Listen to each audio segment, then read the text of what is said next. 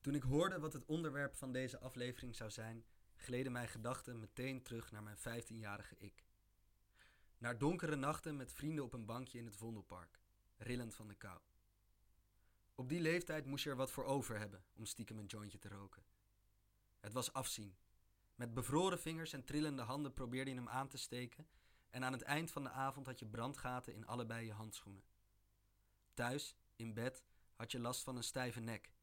Want op dat bankje in het Vondelpark, in de vrieskou, hadden we weer eens allemaal naar de hemel gekeken. En ons verwonderd. Tegenwoordig komt die verwondering niet meer tegen zo'n hoge prijs. Je zet gewoon Radio Swammerdam op in je geriefelijke warme studentenkamertje. Of je nodigt Margot Brouwer uit voor je bedrijfsconferentie. Verwondering gegarandeerd. Wat is de aard van de realiteit?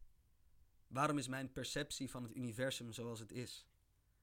Waarom besta ik, terwijl de geschiedenis ook heel anders had kunnen lopen? Het zijn de vragen waar mijn vrienden en ik ons mee bezig hielden op dat bankje in het Vondelpark.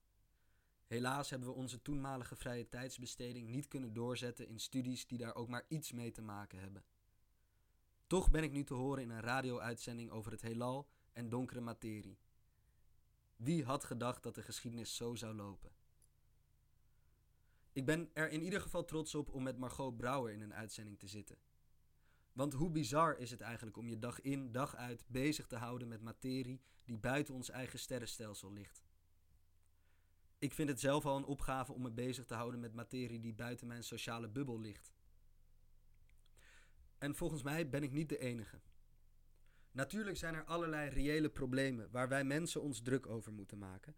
Maar ik denk dat we er te veel op focussen op dat wat zichtbaar is en in onze directe invloedssfeer ligt. De oplossingen liggen niet in het eenmalig terugstorten van 30.000 euro, een keer een diversiteitsdag organiseren op het werk of gratis douchewekkers uitdelen. Echte verandering ontstaat pas als we ons richten op de onzichtbare krachten die ons beïnvloeden.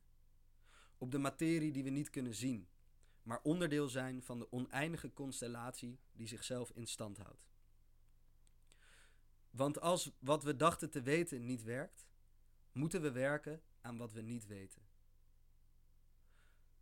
Daarvoor is verwondering een essentiële kracht.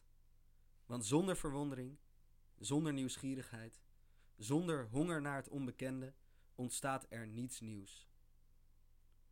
En daarom ben ik blij dat Radio Swammerdam bestaat, dat Margot Brouwer bestaat en dat ik niet bij een temperatuur van rond het vriespunt in het Vondelpark hoef te zitten om me te verwonderen.